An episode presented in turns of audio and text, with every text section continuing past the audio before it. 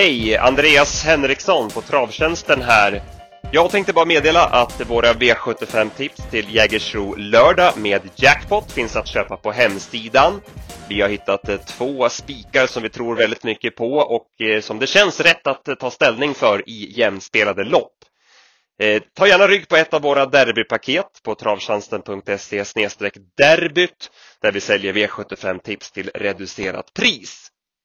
Jag blev lite nostalgisk här på fredags eftermiddagen och minns tillbaka till 2005 när jag började jobba på Travtjänsten.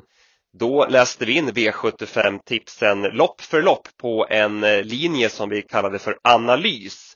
Därför har jag valt att eh, spela in V75 1, analysen av V75 1 och eh, lägger ut den som podd istället idag. Så häng kvar och lyssna gärna på hur våra tankar går i V75 1 där vi har ett drag som vi är ganska ensamma om på marknaden. Med detta så vill jag bara önska er en riktigt trevlig helg och eh, luta er tillbaka och lyssna för så här kunde det låta 2005 när vi läste in våra tips på analyslinjen. Välkommen till Travtjänsten Analys! Välj valfri V75-avdelning. För avdelning 1 trycken 1 för avdelning 2 trycken 2 och så vidare.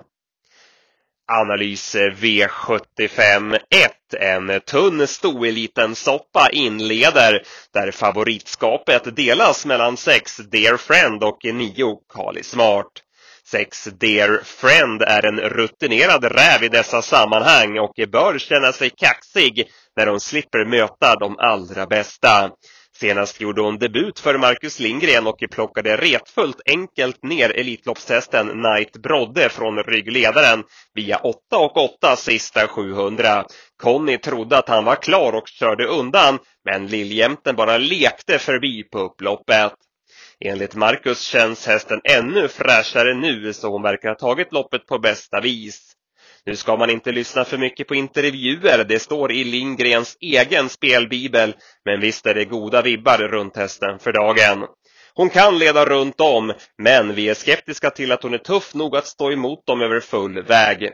Ska hon släppa till Adrian och spida förbi likt senast? Ja, kanske, men tveksamt om Adrian ger henne chansen och oavsett blir då Kali svår att plocka ner. Vi tror mest på nio Kali Smart som bollade med Dear Friend vid seger i våras och det började surras Elitloppet. Men hon tappade stilen efter det och det var ett tag sedan hon fick till det.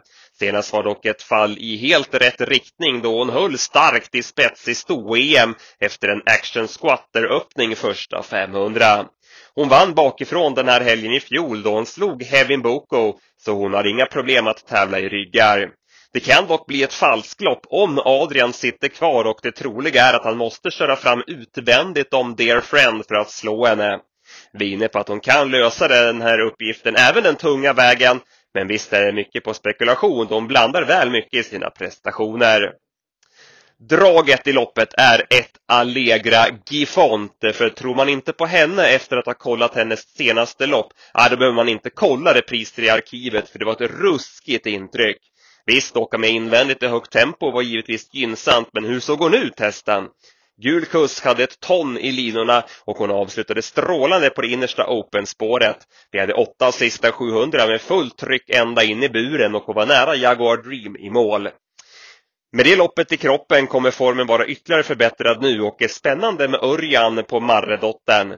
Det är såklart risk för tredje in bakom Chablis och då är det iskallt. Men skulle Örjan lyckas ta sig ut och säg få andra utvändigt bakom 6 och 9, ja, då blir hon inte lätt att stå emot. Feelingen är att hon tappas av de sena spelarna här, förmodligen mycket på strulrisken, men vi bara måste tippa henne på intrycket senast.